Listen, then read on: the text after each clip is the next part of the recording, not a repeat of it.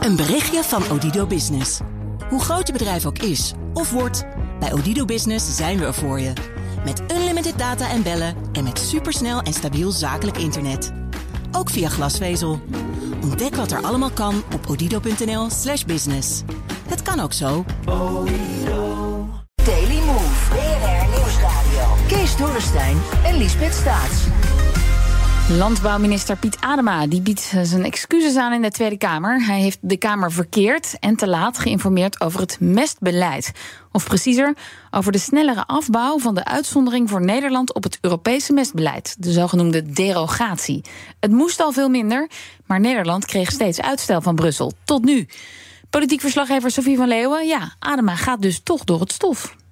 Ja, zeker. En hij wordt behoorlijk geroosterd op dit moment in de Tweede Kamer. Hij biedt nu zijn excuses aan. Uh, er lag een brief, een waarschuwing van de Europese Commissie met zorgen, grote zorgen. En Nederland moest nu in actie komen. Dat heeft hij niet gemeld aan de Tweede hmm. Kamer vorig jaar, december. En hij zegt nu: dat had ik wel moeten overbrengen, die zorgen. Ik had die brief alleen nog niet gelezen. Maar ja, uh, veel te laat. Uiteindelijk pas deze maand wordt dat gemeld aan de Tweede Kamer. Dus er is een excuus nu ook aan de boeren. Want de boeren die moeten nu weer langer in onzekerheid zitten.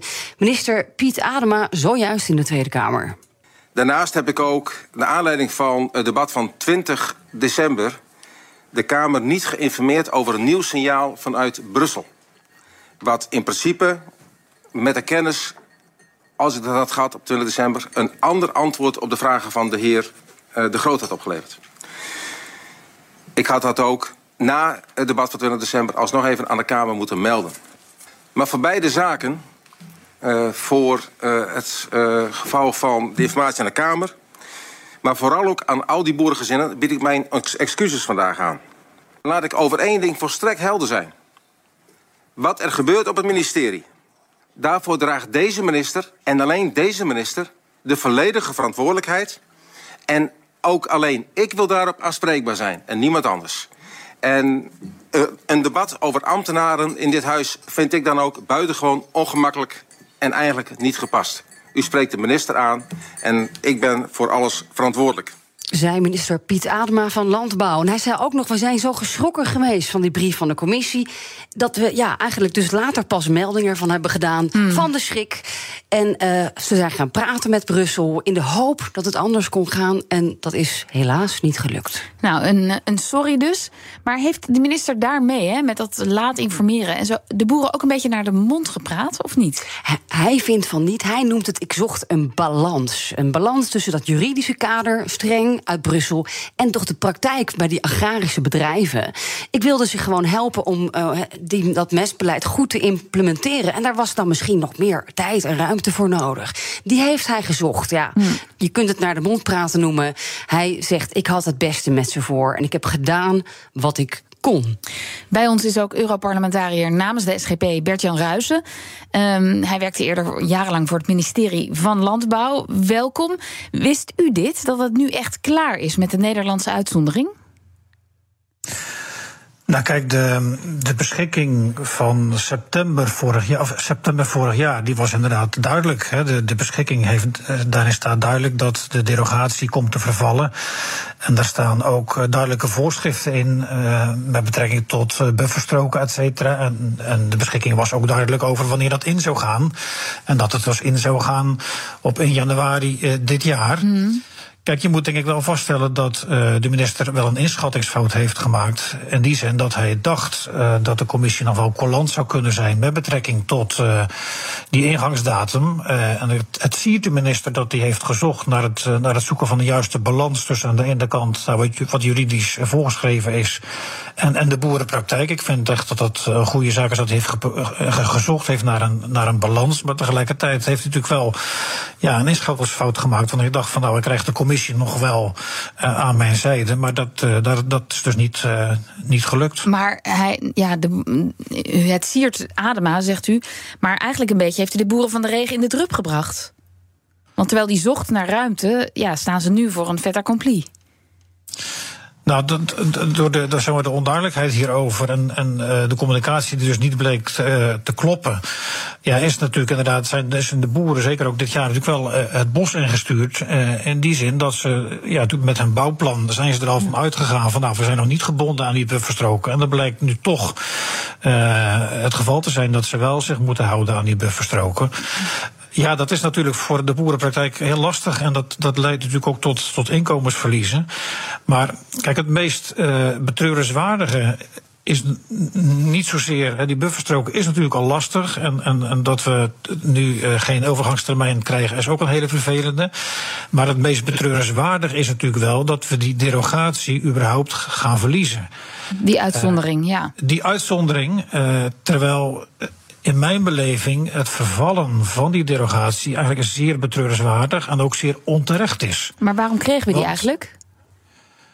We kregen die uitzondering. Uh, en er was ook alle reden voor. Uh, omdat wij ook konden laten zien dat uh, de waterkwaliteit dat in Nederland ook gewoon toeliet. En we hebben natuurlijk in ons in Nederland producties, relatief hogere producties. En ook grondsoorten die ook best hogere mestgiften aankunnen. Er was ook een reden dus voor om de derogatie hmm. toe te kennen. Maar, maar nog even, hè, want u heeft zelf een verleden bij het ministerie van Landbouw. Dat klinkt een beetje beladen, maar ik bedoel gewoon, u heeft daar eerder gewerkt. Um, daar, daar is vast een afdeling Europees mestbeleid. Wat gaat er dan mis? Want er zijn toch heel veel ambtenaren die daar dus specifiek op letten? Uh, natuurlijk allemaal wat dingen worden, worden ambtelijk voorbereid. Uh, maar zoals de minister ook in het debat terecht aangaf, uh, uiteindelijk is natuurlijk de minister aanspreekbaar op dingen die, die, die niet goed gaan. kijk, ik moet gewoon vaststellen dat, zeker als het gaat over deze, deze derogatie en de derogatiebeschikking, dat dat onvoldoende is, is uitonderhandeld en dat er eigenlijk vanuit Nederland ook niet goed onderhandeld is over die derogatiebeschikking.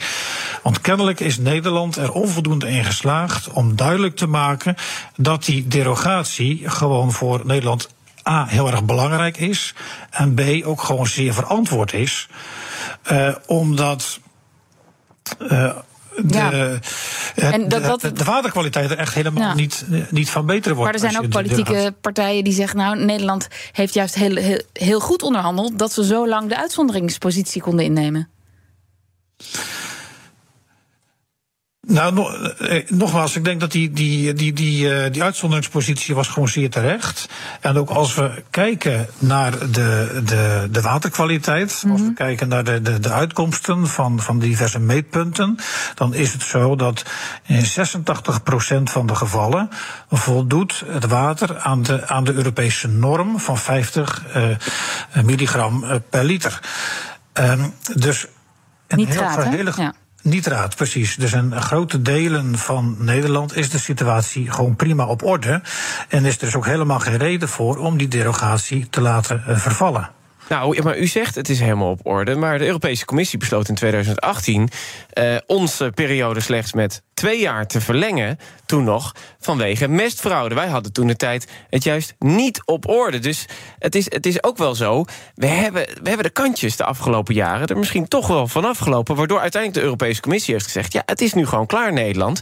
Dus, dus moeten, moeten de boeren ook niet even een beetje naar zichzelf gaan kijken? Ja, maar wat uiteindelijk telt is niet zeg maar, het aantal dieren wat we houden. Uh, of de hoeveelheid mest die wordt geproduceerd. Wat, waar het uiteindelijk om gaat, is hoe zit het met de waterkwaliteit. En ik vind dat we daar ons beleid op moeten baseren. En als je daar naar kijkt en je kijkt naar de feiten, dan kun je vaststellen dat in grote delen van Nederland het gewoon best wel goed gaat met die waterkwaliteit. Uh, en ik vind dat je ja, daarop moet sturen. Uh, en dat je ook onder, onder ogen moet zien dat als je een derogatie intrekt, wat is het effect daarvan? Het effect daarvan is dat we dierlijke mest gaan vervangen door kunstmest, wat doorgaans veel minder uh, duurzaam is. Mm. en bovendien dragen je boeren ook op enorme kosten, omdat ze natuurlijk te maken gaan krijgen met enorme afzetkosten voor de afzet van hun dierlijke mest. Maar wij hebben toch in vergelijking met andere Europese landen een hele grote agrarische sector? Dus ook heel veel mest? We hebben een grote agrarische sector en daar kunnen we best trots op zijn. Kijk, je moet natuurlijk kijken hoe je uh, die, uh, die dierlijke productie, hoe je die agrarische productie, hoe je dat in balans kunt laten zijn. Uh, met, met zeg maar de ecologische waarden die, er, die mm. belangrijk zijn. Um, En dan kun je gewoon vaststellen dat we de afgelopen jaren al enorme stappen hebben gezet. Eh, dat we al veel beter in staat zijn om uh, nou ja, de, ons, ons water te beschermen. en hebben we ook gewoon laten zien dat het verantwoord is om met wat hogere uh, mestgiften uh, toch ook tot een redelijke kwaliteit van, van het water te komen. Sophie, hoe gaat het nu verder in de Kamer? Nou, dat gaat toch wel even door, maar het is wel spannend. Want uh, we weten nog niet hoe het nou afloopt. Met die uitzondering tot 2026, hè, blijft dat nou staan? Of gaat het toch van tafel, omdat we ons nu niet aan de afspraak hebben gehouden? Dat ligt bij de Europese Commissie en ADEMA kan uh, eigenlijk nog geen zekerheid bieden. Hebben wij daarmee 100% zekerheid dat het nu wel gaat vliegen? Die 100% zekerheid krijgen we van tevoren niet. Er is de Europese Commissie zou van tevoren niet zeggen tegen ons: als je het zo doet, dan gaan we akkoord. Dat gaan ze niet doen. Dat hebben ze eerder niet gedaan, gaan ze nu ook niet doen. We hebben wel het gevoel en het comfort dat we zo dicht, zijn, dicht zitten op de oorspronkelijke derogatiebeschikking. Uh, dat wij uh, uh, gerust genoeg zijn om hem naar buiten te brengen, om de brief te versturen naar Brussel. Adema heeft er een goed gevoel over, maar ja, hij kan het niet beloven. En de Tweede Kamer is heel erg bezorgd. Dat ga je zien nu ook nog de komende uren. Uh, het debat loopt nog. Ja. Of dit nou echt goed gaat komen voor de boeren, ja of nee. Die uitzondering nu, uh, nog een paar jaar, of gewoon van tafel. Dank jullie wel, Europarlementariër namens de SGP Bert-Jan Ruijsen en politiek verslaggever Sophie van Leeuwen. Een berichtje van Odido Business. Hoe groot je bedrijf ook is of wordt. Bij Odido Business zijn we er voor je. Met unlimited data en bellen en met supersnel en stabiel zakelijk internet. Ook via glasvezel. Ontdek wat er allemaal kan op odido.nl/slash business. Het kan ook zo.